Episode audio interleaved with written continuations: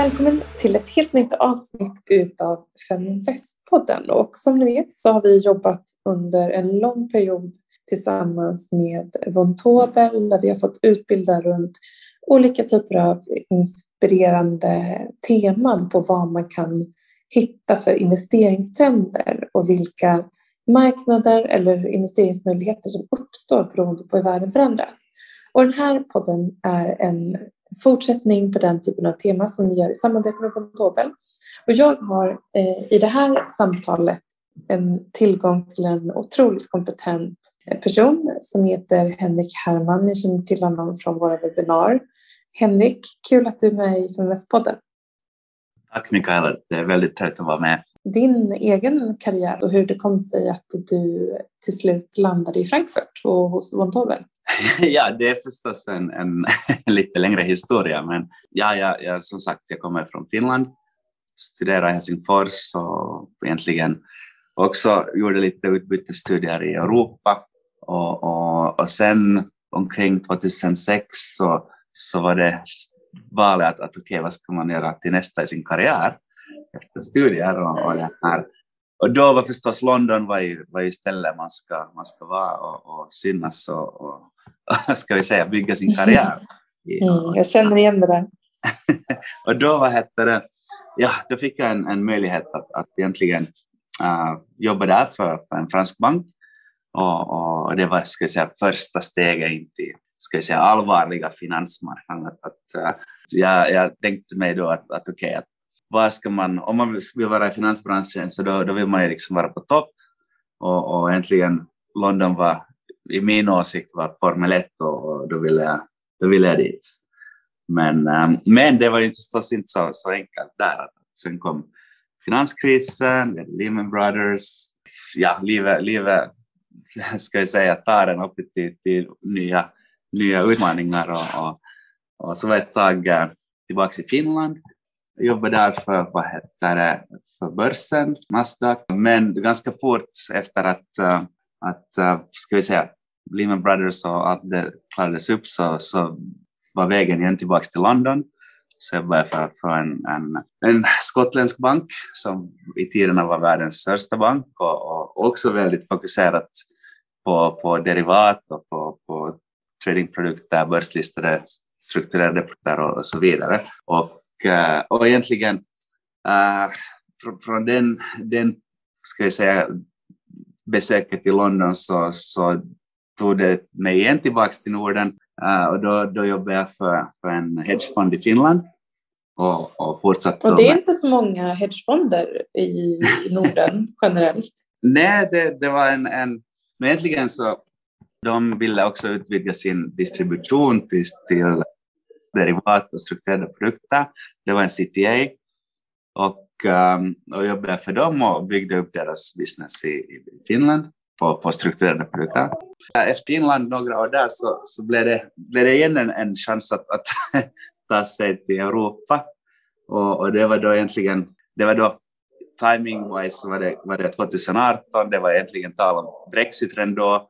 Så, så ursprungligen skulle jag tillbaka till London, men, men sen så egentligen blev frågan den att okej, okay, att, att i och med att London inom kommande 62 månader, 12, 12 månader inte kommer att vara mera så aktuell, så rekryterades då till, till, till en fransk bank igen och, uh, och jag fick välja mellan Paris, Frankfurt och Stockholm.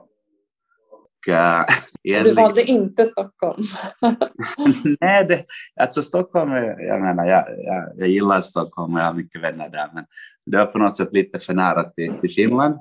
Och, uh, och Paris, så jag gillar att Paris väldigt starkt att besöka och så här, men men det, det verkar som sagt kanske inte som bästa lösningen för, för att ska jag säga, bo, bo i ett, en stad som Paris. Men, men sen så, ja, så tänkte jag Frankfurt, why not? Jag, jag hade besökt staden några gånger tidigare och, och egentligen det var en, en väldigt, ska vi säga, intressant utmaning. Och, och, och, och logiskt sett så, så den här, den divisionen och den, den, ska jag säga, banken och deras verksamhet som jag jobbar för så, så det var fokuserat, distributionen väldigt starkt här från Tyskland, från Frankfurt, så, så det var ganska, ganska sådär naturlig, naturlig match att, att, ta sig hit. Mm. Och, och, nu har jag då alltså, varit här.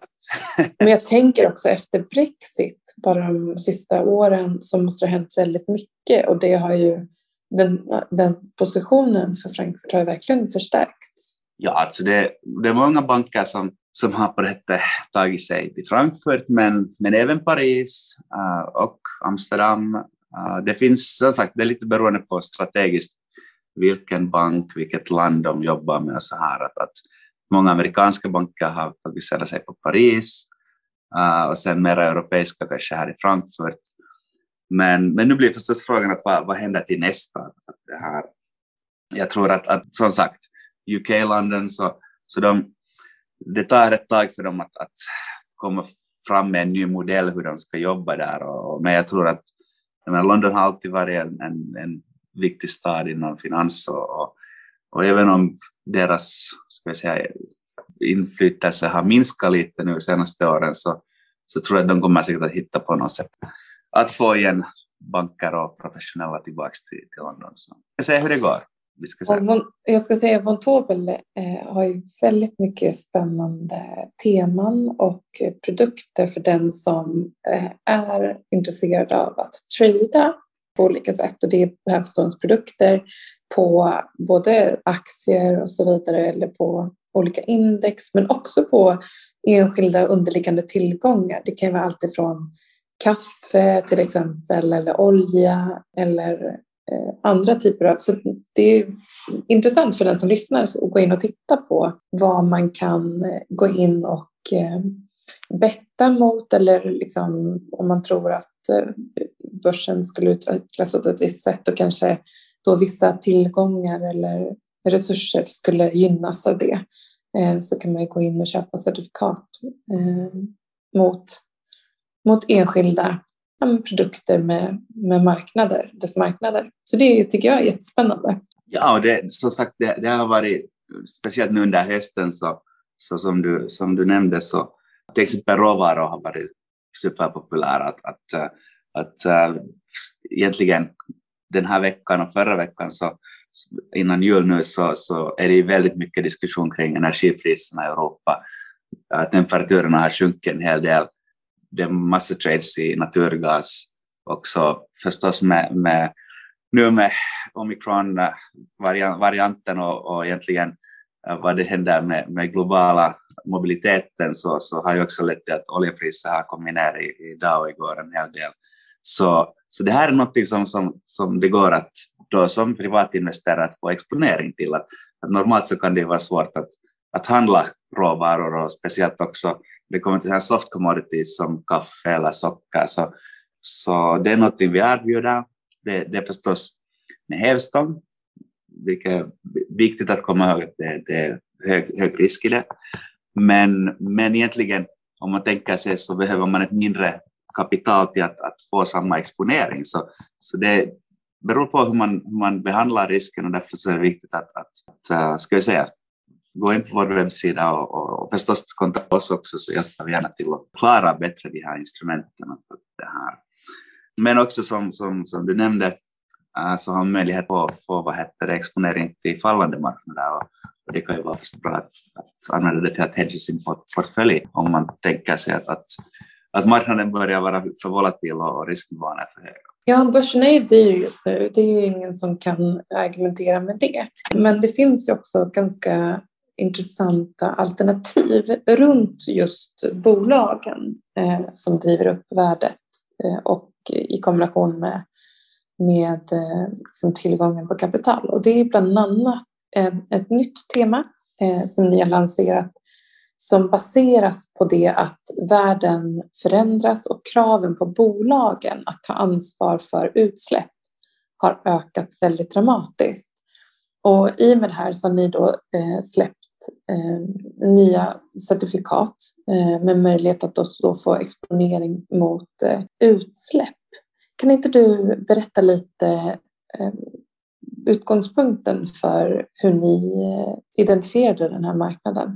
Ja, alltså det är egentligen marknaden för utsläppsrätter så, så den har ju funnits en, en längre tid, men, med, men om vi ser på egentligen hur den har vuxit fram eller ska säga, intresse och, och, och likviditet den här marknaden har, har egentligen först de senaste åren eller blivit, blivit mer aktuell. Att, att privata investerare naturligtvis har ju inte haft möjlighet att, att direkt handla i den här marknaden i och med att den baserar sig på en, en terminsmarknad som handlas i Amsterdam. Men, men som sagt, nu under, under då, förra månaden så har vi lanserat i, i Sverige då både tracker-certifikat och då tradingprodukter som Mini Futures Bull Bear på, på utsläppsrätter som då emitteras av, av Europeiska unionen. Och, och hur den här marknaden fungerar är att, att då, eh, på årsbasis så, så definieras eh, en, en, ska vi säga, en allokering av utsläppsrätter som fördelas mellan olika industriföretag runt Europa. Och den här årliga allokeringen är omkring en och en halv miljard utsläppsrätter. Uh, eh, och vad betyder, vad är en utsläppsrätt? Eh, själva marknaden uh, i sig så, så byggs upp av, av en allokering av, av då omkring för tillfället en och en halv miljard utsläppsrätter som fördelas enligt, enligt industriföretag i Europa. Och målet då med, ska säga, med den här uh, utsläppsrätten är att på längre sikt kunna kontrollera då och driva egentligen företagen till en, en grönare framtid var de, var de måste ändra på sitt, uh, sitt, sina utsläpp av koldioxid för att, för att egentligen på, på detta sätt nå ett, ett mål då i framtiden var, var vi har noll utsläpp i Europa. Så äh, idag så har man rätt som bolag att eh, släppa ut ett ton koldioxid eh, per utsläpps, utsläppsrätt kan man säga. För att ge proportion så no, Europas, eller det är en av de största uh, ska säga, bolagen som, som har största utsläpp i Europa idag, kemibolaget BASF och eh, och det är förstås, det varierar ju väldigt mycket på, på hur mycket produktionen, hur aktiv den är, men, men till exempel då deras utsläpp per år 2017 var ungefär 23 miljoner ton.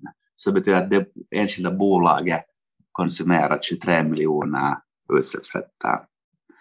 Och, eh, och, och, naturligtvis, det, här, det beror på, på bolaget, på industrin och, och, och på vilken typ av, av eh, verksamhet de driver. Men, men målet som sagt är att, att med de här utsläppsrätterna så, så det, det, finns en allokering varje år och kommande, ska säga, från, från, eh, från idag fram till då, 2000, eller målet har satts mellan 2045 och 2060, så, så vill då EU gå till, till ska säga, en nivå där, där utsläppen är noll. Mm. Så, det betyder att i praktiken varje år så minskas Eh, antalet utsläpp som fördelas till bolag.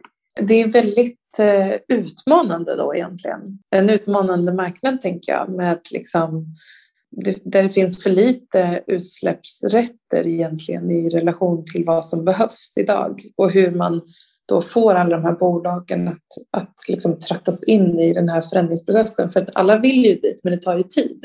Exakt, men det, det, det är också naturligt att vissa bolag som har börjat den här sin förändring tidigare så, så drar ju nytta av det nu att, att egentligen till exempel förra året när, när ekonomin i Europa tog ska säga, det, det var en, en tillväxt igen, en ganska stark tillväxt, speciellt på industrinivå när, när då halvledare och, och, och egentligen bilindustri och många ska säga, branscher som, som var, låg, låg väldigt lågt då året innan, så plötsligt hade de massa behov för, för att rampa upp sin, sin produktion och då blev det ju en väldigt stor efterfrågan på utsläpp också.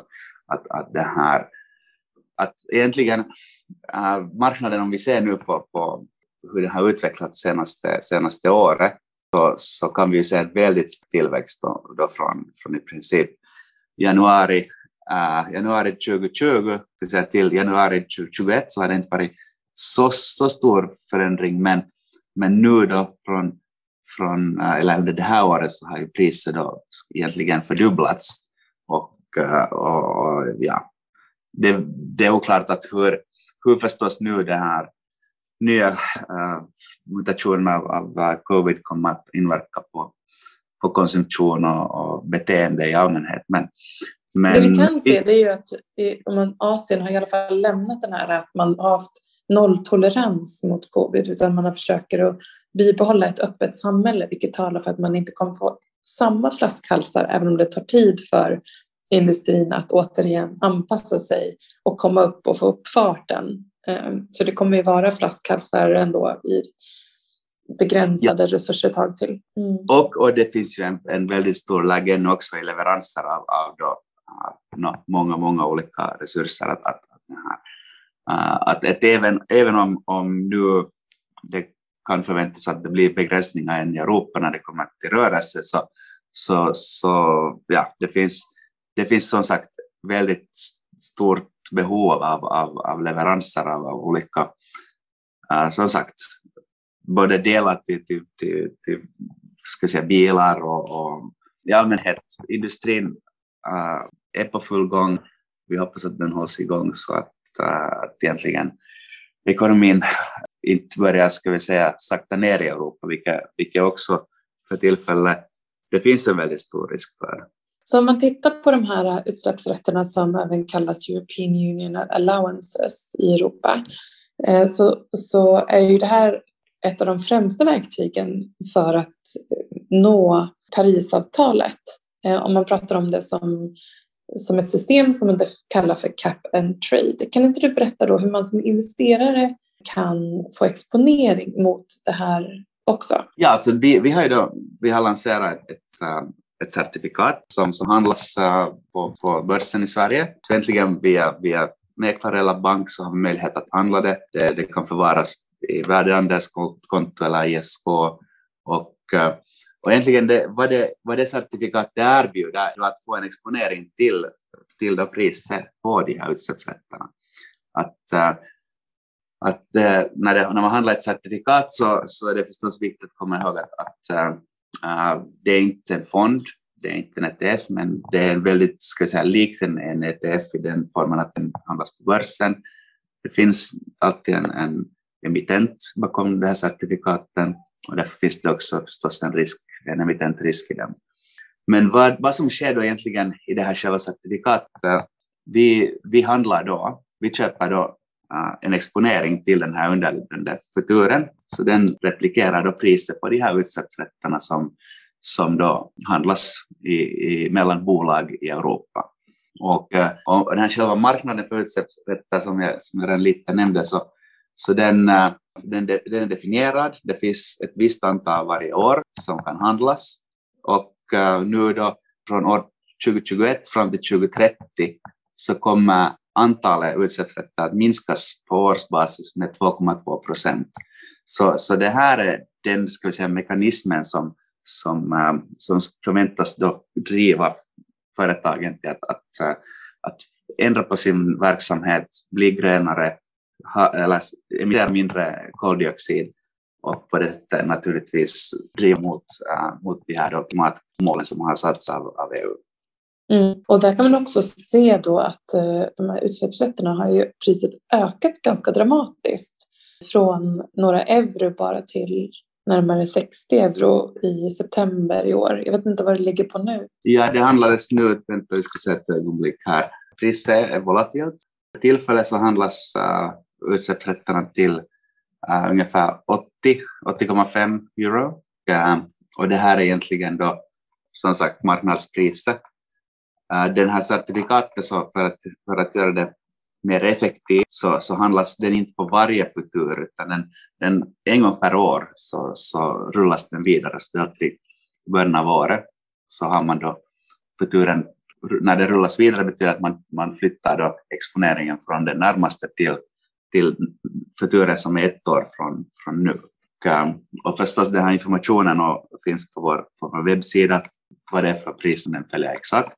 Men, eh, men den här marknaden är som sagt ganska, ganska rätt stabil, att, att det är inte hemskt stora förändringar i, i futurpriserna från, från januari då 2022 till till exempel december 2022. Men eh, om man då eh, kollar på den marknaden dagligen eller liksom veckovis, är det en hög volym som handlas? Uh, om, no, om vi ser helt nu på närmaste avtalen så, så, så till exempel då januari 2022 så, så, så det har handlats, uh, ska vi säga, det handlas oftast på, antingen den futuren som är tre månader från nu eller sen den som är ett år från nu. Att det är ofta de, eller till och med också två år nu. Att, att, att det här är inte ett, instrument som det spekuleras hemskt mycket på kort sikt med. Att, att, att, I och med att företagen då fysiskt behöver det här för att planera sin verksamhet och sin produktion. Så, mm. här. så ju jämfört, skulle... jag jämfört till exempel med, med råvaror som, som olja var, var då priset på närmaste veckan ofta, det kanske är väldigt häftiga också, eller väldigt stora förändringar på, på, på speciellt när det kommer nära till den här terminens eh, slutdatum. Så, så här, just i och med att vi använder då en termin som är ett år från nu så, så försöker vi undvika den här typen av rörelser. Eh, men skulle man kunna säga att det här är en bra diversifiering eller en, en krydda i portföljen för att eh, liksom, det, det, det, följer inte samma underliggande marknadsrörelser som, som bolagen på, listade på börsen? Alltså det, det är en väldigt ny tillgångsklass på det sättet att, att om inte, eller det har inte varit tillgång till den här typen av, av exponering på, ska vi säga, tidigare på marknaden, speciellt för privata investerare. Så, så det här äh, är naturligt, naturligtvis det är en, en, en spekulation på, på hur företagen i Europa kommer att, att äh, bete sig när det kommer till utsläpp kommande, kommande åren. Att naturligtvis om, om företagen i Europa, om alla börjar jobba väldigt starkt för att, att äh, minska sina utsläpp, så då kommer ju naturligtvis behovet för utsläppsrätter att minska och, och priset kommer att, att äh, sjunka då. Och, och, här blir frågan att sjunka det i förhållande till den minskning som sker på årsbasis i, i antalet utsläppsrätter eller kommer det att vara högre eller kommer det att vara mer aktivt för företaget att, att minska sina utsläpp. Men, men sen igen, om företagen inte är villiga eller har, har kapacitet och möjlighet att, att förändra sin verksamhet och, och på det sättet släppa mindre koldioxid, så, så, så då kommer priset på utsläppsrätterna att fortsätta uppåt i och med att, att eh, det måste, som sagt, marknaden, marknaden kommer att bestämma ett ekvilibrium eller ett pris där, där egentligen det blir, uh, det blir värt eller inte värt för företagen att, att fortsätta släppa koldioxid, utan de, de måste ändra för att det blir så dyrt för dem att, att, att i långa loppet hålla på att köpa upp mer och mer utsläppsrätter. Mm, exakt. Tack för den eh, grymma förklaringen. Och med det... Ja, jag hoppas det, eh, så, Ja, absolut. Nej, men det, det var, jag tyckte det var jättebra liksom, översikt för hur, hur marknaden fungerar. Och, eh, jag tänker att den som lyssnar och tycker att det här är intressant eh, får jättegärna gå in på von Tobels hemsida. De har en hel del artiklar just runt olika typer av eh, eh segment på marknaden eh, och investeringsmöjligheter kopplat till det. Eh, och bland annat då eh, så finns massor av information om just utsläppsrätter som man kan läsa på. Så det vill jag varmt rekommendera. Ja, alltså vi, vi har som sagt eh, vi har lanserat flera olika då, tematiska investeringar och, och, och som, som säkert era lyssnare också har hört tidigare så, så vi, vi tror väldigt starkt på att uh, investering är på det, det nya sättet att, att spara i och med att räntenivån är väldigt låg och, och egentligen mer och mer investerare vill, vill vara med i, i börsen och också via sina investeringar ta del i, i ska säga, nya teknologier och, och, i det här fallet till exempel då en ny marknad som utsläppsrätter. Så, så vi, vi vill erbjuda uh, intressanta nya teman och, och, om dem så, så, kan man då som sagt läsa mer på vår på webbplats. Och där finns det även flera välkända eh, investerarprofiler som man kan läsa som, som skriver, Phil och Kill bland annat, eh, som jag kan tipsa om om man eh, följer dem. Henrik, tack så jättemycket för den här introduktionen till just utsläppsrätter. Tack, tack också för vår del. Tack Henrik. Feminvest är Sveriges största investeringsnätverk för tjejer. Vi vill att allt fler ska våga äga och förvalta. Och hur gör vi då detta? Jo, vi vill inspirera, utbilda och utmana runt ägande, investeringar och entreprenörskap. Följ Feminvest på våra kanaler Facebook, Instagram, Youtube varje vecka så kommer vi även ut med en podd och du kan ju självklart även följa nyheterna som publiceras på feminvest.nu. Det är bara att söka på Feminvest på samtliga kanaler så hittar du till oss.